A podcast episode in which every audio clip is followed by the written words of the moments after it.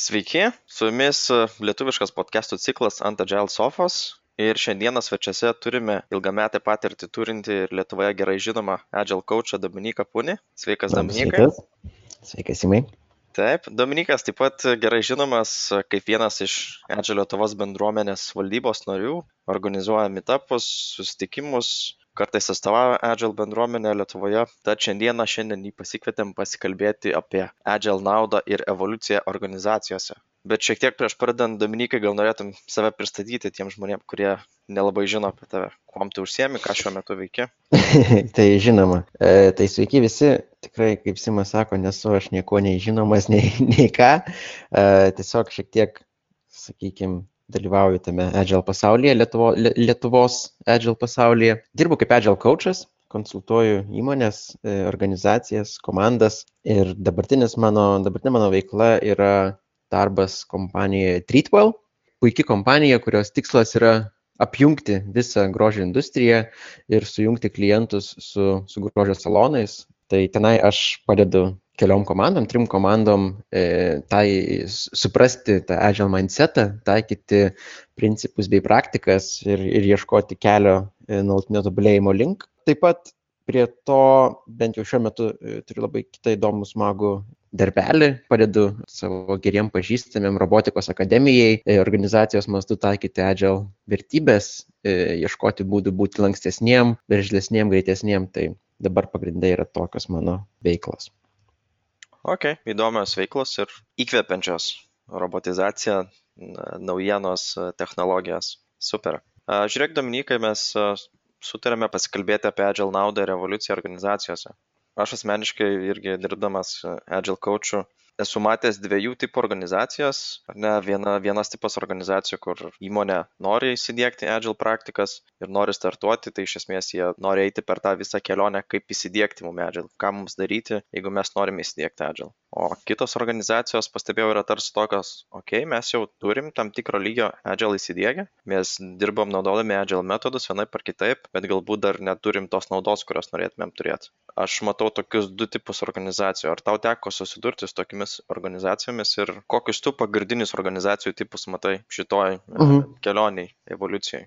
Jo, bet pasakyta, ko gero, kertinė frazė kelionė. Aš, aš galbūt taip labai griežtai du tipus neskirstyčiau. Aš matau jas tarsi tokioje skalėje, raidos skalėje, kur pradžioje turime kompanijas nieko nežinančias nei apie Agile, nei, nei negirdėjusias, tokių galbūt šiuo metu tikrai labai mažai, e, ar tik tai pradėjusias taikyti, e, o skalės pabaigoje, ko gero, netgi galbūt tos skalės pabaigos netgi nėra, nėra dar, nes tai yra nuolatinis tobulėjimas, nuolatinis ieškojimas, kaip būti efektyvesniems. Ir iš tikrųjų, kiek laiko tu taikai agile praktikas dar nepasako, kur tu tos skalės, kurioje skalės vietoje tu stovi. Tavo maturity, tavo brandumas, tas, sakykime, gali skirtis. Tai, tai aš sakyčiau, labiau matyčiau kaip tokią raidos, raidos žingsnius, raidos skalę. Tai tarsi organizacijos keliauja per tą evoliuciją, per, per tą kelią. O kas toms organizacijoms padeda vat, būtent pasirinkti tą kelionės kryptis? Vis tiek turi būti kažkokie tikslai kaip iš tavo patirties, kokie tikslai dažniausiai būna tų organizacijų? Net ir, sakykime, tos, kurios visiškai neturi nieko bendro su Agile, nori įsidėkti ir tos jau, kurios kažką tais turi. Nors ir nenorim skirstyti, vis tiek tarsi taip suskiršiu, ar ne, sudėliojau vienos, kurios neturi visiškai Agile patirties, kitos, kurios jau šiek tiek turi. Kokie galėtų mhm. būti tų organizacijų tikslai, kodėl mes iš viso norime eiti per tą kelionę? Manau, vis tiek, kaip sakant, galų gale visų organizacijų tikslas būti sėkmingiems, būti, būti pelningoms organizacijoms. Kai kurie į tos tikslus žiūri per naudą savo vartotojams, tai rasti savo vartotojus ir sukurti jiems kuo daugiau naudos. Iš to seka galbūt žemesnio e, lygio tikslai tokie kaip efektyvus nuolatinis vertės kūrimas, na, o dar žemesnis lygmuo tuomet jau bus ir efektyvus teisingų principų ir praktikų taikymas komandose. Um, tai visų tikslai, sakyčiau, kaip ir dažniausiai būna tokie patys, tiesiog kai kurios organizacijos pamiršta tą aukštesnį tikslą ir pradeda nuo, nuo, nuo žemesnio, mums reikia agile, kad būtume efektyvesni. Aš sakyčiau, per tai ir ateina šiek tiek brandos e, organizacijos suvokimas, kokie yra tie mūsų e, aukštesni tikslai ir kaip agile, kaip mąstymas gali mums padėti jų pasiekti. Palėtė į labai įdomų momentą ir, ir man pačiam irgi tenka dažnai susidurti, e, kai, kai prisijungi prie organizacijos ir komandos, kodėl jūs norite būti agile, tai čia toksai platus klausimas ir, ir būna labai skirtingi atsakymai.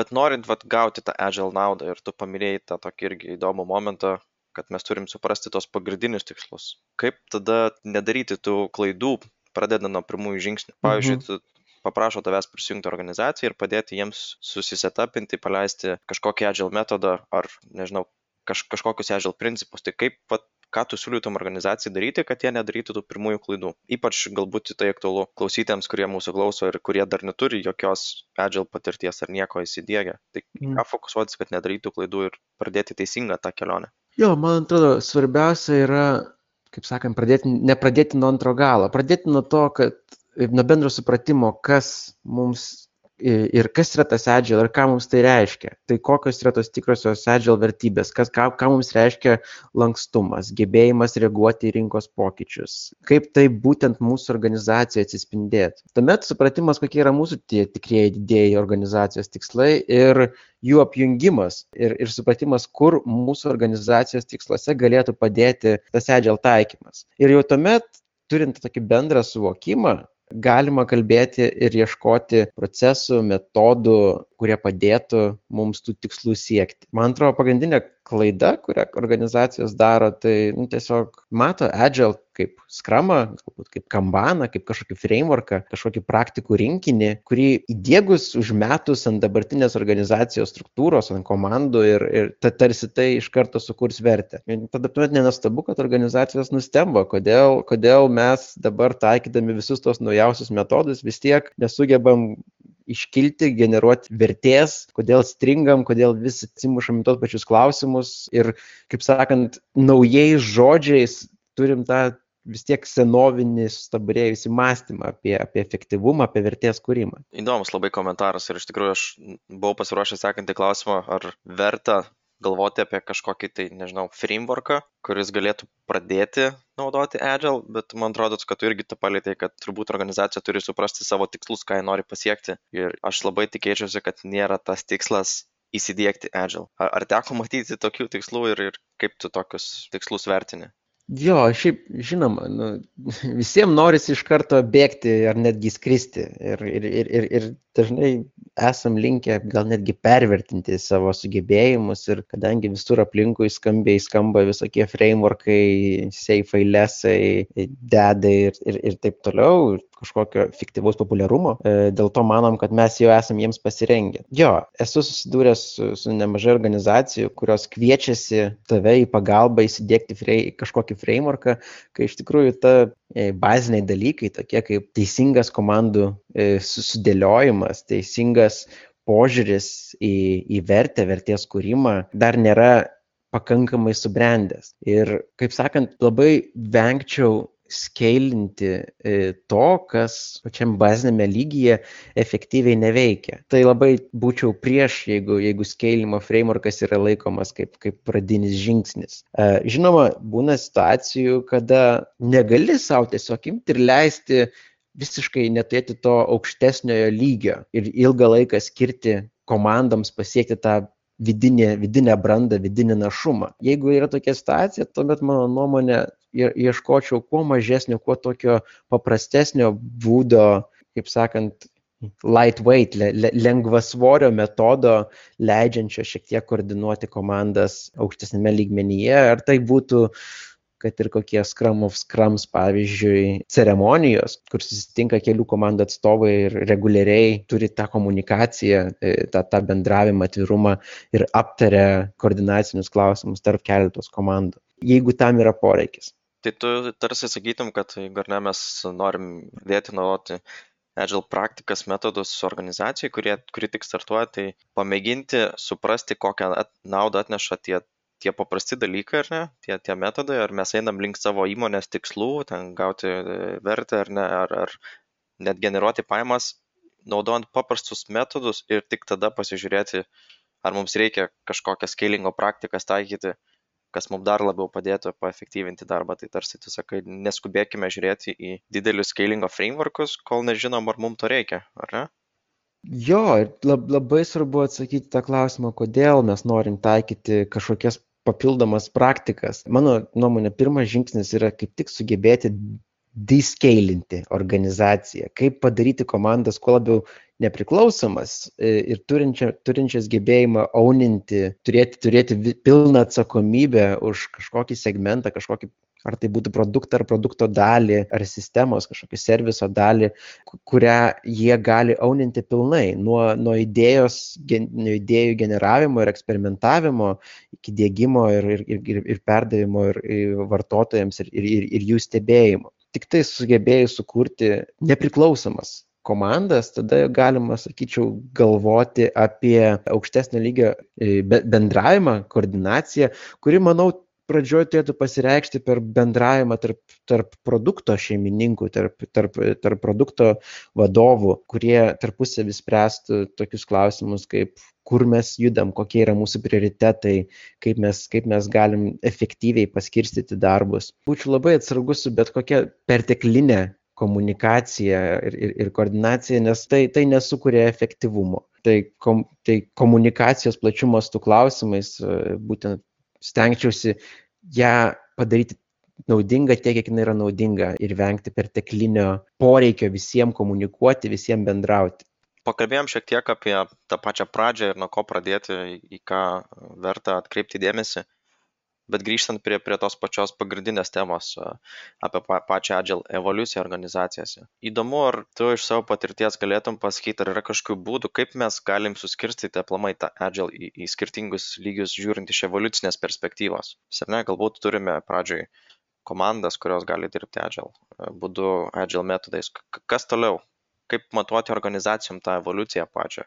Jo, iš tiesų, nežinau, nemanau, kad yra lengva ar netgi reikalinga organizacijas įsprausti kažkokį, kažkokią stadiją, kokiam brandos etape jinai yra. Nemanau, kad tai lengva apibriežti, nes yra labai daug kintamųjų organizacijų, organizacijai nelygiai. Aš sakyčiau, vėl grįžčiau galbūt prie savo tos skalės analogijos, kur tu gali įsivertinti, kaip brandžiai dirbi, kaip, kaip brandžiai kuri vertę e, priklauso nuo to, kur, kur tam toje skalėje tu esi. Tai man atrodo, vėlgi, ta skalė neturi pabaigos. Tai yra gebėjimas nuolat bent žingsneliu judėti į priekį toje, toje skalėje kompanija, kuri sugeba greitai adaptuotis prie, prie rinkos pokyčių, puikiai supranta savo, savo auditoriją, savo, savo klientą, jo poreikius, jaučia potencialą, gali, kurią gali sukurti jos, jos klientai, e, sugeba identifikuoti problemas, ieškoti sprendimų, eksperimentuoti. Tai čia yra brandžios organizacijos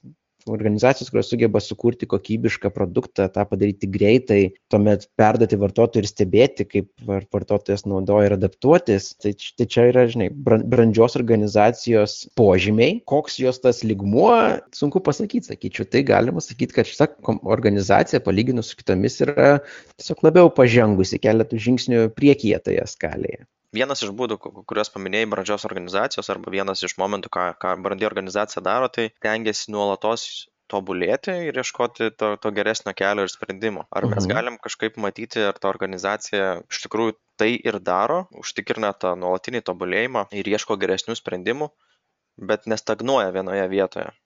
Ne, gali būti trumpalaikė sėkmė, mūsų sprendimas buvo geras ir, ir mes uh, sugeneravom pelną, kurio siekiam, bet galbūt vėliau tai visai pasikeis, ar ne, nes rinka irgi pasikeičia ir vartotojai pasikeičia. Ar galim kažkaip mhm. užtikrinti, kad mes nuolatos turim tą tobulėjimą ir, ir kokie galbūt būdai būtų, kaip pamatyti, ar organizacija stengiasi nuolatos tobulėti. Galų gale vis tiek viskas išsiverčia į tai, nu, kiek sėkminga yra organizacija, ar jai pavyksta įgyvendinti savo, savo tikslus, ar jai pavyksta sukurti tiek vertės ir sugeneruoti tiek pelno, kad organizacija auktų, kad galėtų save, save išlaikyti ir rasti tą savo produkt market fitą. Iš tos pačios pusės galima stebėti organizacijos produkto, organizacijos kūriamos vertės vartotojus ir žiūrėti, ar, ar jų poreikiai yra patenkinti, kaip jie atsiliepia, kaip jie, kaip jie vartoja, ar jie, ar jie džiaugiasi tuo produktu, paprasčiausiai tariant. Ir, sakyčiau, tas organizacijos tobulėjimas yra e, jį galima įvertinti pagal tai, kaip efektyviai organizacija sugeba reaguoti į pokyčius. Jeigu jinai pamato, kad ko gero šiuo metu ne, paskut, paskutiniu laikotarpiu nebuvo sėkminga įgyvendinus vieną ar kitą iniciatyvą, ar galbūt dėl kažkokienos ar kitos priežasties e, vartotojų poreikiai nebuvo patenkinti, kaip, su, kaip greitai jinai sugeba prie to prisitaikyti, rasti, rasti kitą kelią, adaptuotis. Pagal tai galima įvertinti. Tai nėra, žinai, labai kažkoks lengvas dalykas, kurį gali apibūdinti, ar organizacija tobulėja ar ne. Man patinka, yra tokia tikrai nebloga knyga Accelerate, kuri įvardina, kad organizacija turi turėti nusistačiusi esminės savo capabilities kas ją padaro našia organizacija, ar tai bus gebėjimas sukurti labai aukštos kokybės produktą, greitai jį pristatyti į rinką, ar tai gebėjimas suprasti savo vartotojus, parduoti savo produktą ir įsivardinus tas pagrindinės capabilities, pagrindinius, sakykime, įgūdžius, galbūt lietuviškai teisingai būtų pasakyti, juos nuolat tobulinti, siekti e, kuo aukštesnio gebėjimo. Ir jeigu tai yra jaučiama organizacijos e, mastu, tai mano organizacija tobulėja. Aš visiškai to pritariu ir, ir dar tiesiog pridėčiau prie to, kad asmeniškai mano nuomonė vienas iš tų tokių labai elementarių būdų įsivertinti organizaciją tobulėja ir ar mums sekasi reflektuoti, tai elementarus tikslų išsikelimas. Turim, tarkim, net ir labai didelę organizaciją arba visai mažą įmonę, jeigu mes išsikeliam savo, savo tikslus kažkokius ar ne, ir po kiek laiko pareflektuojam, kaip mums sekėsi juos įsigyvendinti, tai pavyzdžiui, po mėnesio ar po ketvirčio ar po pusės metų persižiūrim, ar mes vis dar einam į, į tą teisingą linkmę, mes tada kaip organizacija galim suprasti ne tiek, kiek mums Agile padeda ar nepadeda, bet aplamai, ar, ar mums reikia ieškoti naujų būdų keistis ir kažką tai tobulinti, ar mes savo tikslus nuolatos pasiekėm, ar jie yra pakankamai motivuojantis ir ar jie atneša tą naudą, kurią ir tikimės, kad atneštų. Jo, visiškai pritariu manau, jo, neturint aiškaus tikslo, tau labai sunku įsivertinti, ar tu judi tinkamu greičiu, ar tu sukuri tiek vertės ir išnaudoji visą savo potencialą. Tai yra daug meno, e, mokslo ir meno, ko gero, sugebėti įsikelti teisingus tikslus, rasti būdus jų, jų siekti ir tikslus verta kelti tiek asmenėme e, lygmenyje, tiek komandos, tiek ir plačiau visos organizacijos e, mastu, tai čia iš tikrųjų labai geras pastebėjimas iš tavo pusės. Manau, teisingai iškelti tikslai mus veda į priekį, mus, mums leidžia išsiskirti iš savo konkurentų ir pasiekti būtent tai, ką e, organizacija yra įvardinusi kaip savo viziją. Taip, ir aš net nebejoju, kad tau teko irgi nekartą dalyvauti tai tikslų išsikelime ir, ir padėti būtent tai užsitikrinti. Ir tai yra iš tikrųjų, kaip ir sakėjai, meno reikalaujantis ir, ir mokslo uždavinys, kuris nėra toks uh, labai lengvas. Jo, dar jeigu šiuo tuo pačiu klausimu šiek tiek galiu pakomentuoti, aš teisingai pastebėjai, taip yra tekę ir netgi va, šiuo metu aktyviai e, žiūriu į tikslus iš, iš skirtingų perspektyvų. Vienoj pusėje turiu tokį iššūkį padėti komandai e, kiekvieną savaitę išsikelti aišku tikslą, ką norim pasiekti, pajausti tą tikslo balansą, užtikrinti, kad tas tikslas yra tiek aiškus, tiek subalansuotas, tiek ir komanda jaučia, kad gali jam komitinti. Tai yra tikrai įdomus, įdomus procesas, ieškojimas to bendro supratimo, bendro komandiškumo ir, ir, ir tas veikia. Iš kitos pusės dar turiu kitą iššūkį, padedu, jau, jau minėjau savo, savo geriems draugams e, robotikos akademijoje e, iške, išsikelti tikslus visos organizacijos mastu. E, naudojame dabar ganėtinai populiarų, nemažai, nemažai aprašyta, daug kur naudojama OKR frameworką kur apsibrėžiam savo objectives, tai kas mus inspiruoja, tai kas mus veda į priekį ir tiems objektams e, sukuriam aiškius key results, kuriais galime pamatuoti, kaip judame tikslo link, jie yra išaiškiami specifinėmis metrikomis. Iš tikrųjų, labai įdomu, praėjom labai įdomų procesą per paskutinės keletą savaičių, kada visas, e, visa vadovų komanda e, giliai įsitraukė į šitą procesą. Taip prisidėjo ir prie kom, bendro kompanijos vizijos suvokimo, tarpusavio, tarpusavio sričių e, suvokimo ir bendrų tikslų išsikelimo, kas leido atskirti tą nusistovėjusią, sakykime, departamentų požiūrį ir bendrai pažiūrėti tai, ko reikia organizacijai. Iš tikrųjų, va čia įdomus momentas yra tai, kad bendri tikslai sulaužo tos nusistovėjusias normas, kad mes esam pasidalinę į, į specifines funkcijas ir atveria kelią dirbti kartu, tikslų siekti kartu ir tai galioja tiek komandoje, tiek ir organizacijos mastu. Ta vat, esu paskutiniu metu pastebėjęs ir dėl to ir norėjau šiek tiek plačiau pakomentuoti apie tikslus ir jų išsikelimą. Tikslai yra vienas iš tų, nors ir sunkiai identifikuojamų, bet e, priemonių, kaip pamatyti, ar, ar organizacija, ar komanda yra brandi.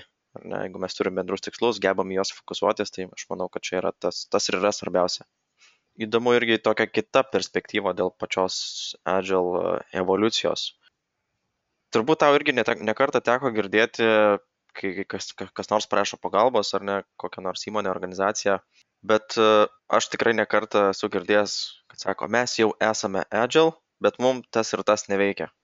Kaip tu supranti vat, tą, tą pasakymą, mes jau esame Agile? Ką reiškia būti Agile?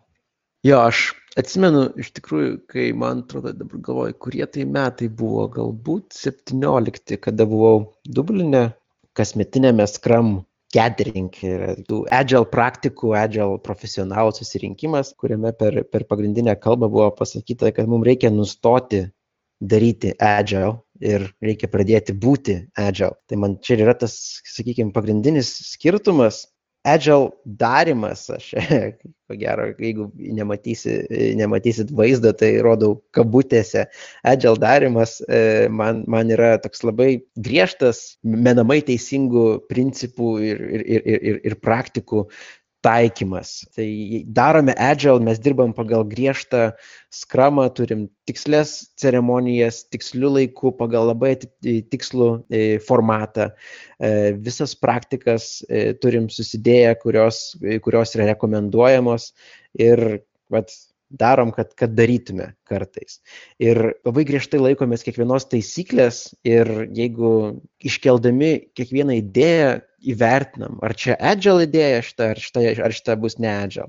Tai man čia yra toksai griežtos normos ir griežtos praktikos, griežtos taisyklės, čia yra tas e, daryti agile. Tuo tarpu būti agile yra gerai suprasti savo kontekstą, savo specifiką ir e, nebijoti laužyti normų, kvestionuoti kiekvieną, kiekvieną praktiką ir, ir, ir ieškoti joje vertės būtent savo, savo komandai, savo organizacijai. Dabar pats bekalbėdamas paminėjau e, vieną tokią, sakyčiau, kodinę frazę, tai tas eksperimentavimas. Man atrodo, buvimas agile ir yra gebėjimas reguliariai, dažnai eksperimentuoti su įvairiais, įvairiom praktikom, į, įvairiais naujais, galbūt nepažintais būdais daryti dalykus ir sugebėjimas įsivertinti, ar tai mums veikia ar ne. Aš savo komandose esu pritaikęs tokią eksper eksperimentavimo praktiką, kad mes esam vienu metu įsivardinę tris, gal net penkis eksperimentus, procesinius eksperimentus, kurie vyksta, mes turim jiems specifinį laikotarpį, žinom gairias, pagal kurias mes tuos eksperimentus įgyvendinam ir žinom, ką mums reiškia sėkmingas eksperimentas, kada pajausim, kad jisai jau sukūrė e, vertę. Ir po kažkiek nuo nustatyto laiko pasižiūrim, įsivertinam, pavyko, sukūrė tos vertės, kurios tikėjomės ar ne. Jeigu sukūrė, mes jį pasiliksim galbūt kaip jau naują taisyklę, pagal kurią dirbam, jeigu ne, adaptuosim arba tiesiog atmesim ir grįšim prie, prie, prie, prie praeito būdo dirbti, o galbūt ieškosime naujo kelio. Tai man tai yra tas buvimas agile. Labai irgi įdomų dalyką pasakė apie eksperimentus. Aš prisiminiau pastaruoju metu, mes irgi taiko vieną praktiką dabartinėje organizacijoje, kurioje dirbu tai būtent tiem eksperimentam ar ne apie kuriuos ir kalbėjau nuo nuo pat pradžių kad reikia atrasti kas tinka organizacijai kokie procesai tinka ir ir kokios praktikos tinka. Mes dar šiek tiek žiūrim į eksperimentavimą ne tik iš proceso perspektyvos bet žiūrim ir iš produkto kūrimo perspektyvos. Tam pavyzdžiui mes naudojam improvement katą gal kažkam teko girdėti iš iš iš toyota kata knygos. Apsibrėžiam produktą kurį tiksliau iš pradžių apsibrėžiam problemą kurią turime tada bandom apsibrėžti tikslą ką mes norim pasiekti ar ne? Ir galvojam kokie būtų mūsų pirmieji žingsniai kaip mes galėtumėm eksperimentuoti kažkokius bandymus daryti sukurti produktą kad eitumėm arčiau link to tikslo ir, ir nuolat iteruojam tada žiūrim ar, ar mes arčiau esam to tikslo ir ko mums dar trūksta. Tai čia tiesiog įdomus kitoks šiek tiek kampas kad ne vien tiktai į procesą žiūrim bet ir pavyzdžiui pasiemam labai konkretų produktą arba paslaugą, kurią norim sukurti ir bandom į tai pasižiūrėti kaip į eksperimentą. Tai irgi mhm. padeda pasiekti įdomių rezultatų ir, ir netgi labai kūrybiškų rezultatų. aš tikrai pritariu dėl eksperimentavimo. Čia yra vienas iš pagrindinių dalykų, ką reikia nebijoti daryti, norint, norint būti agile, o, o ne tik tais daryti agile, e, taikyti kažkokius metodus. Kalbėjome apie įvairiausius patarimus, ką gali organizacijos daryti, norint evoliucionuoti ar ne ir gauti tą agile naudą.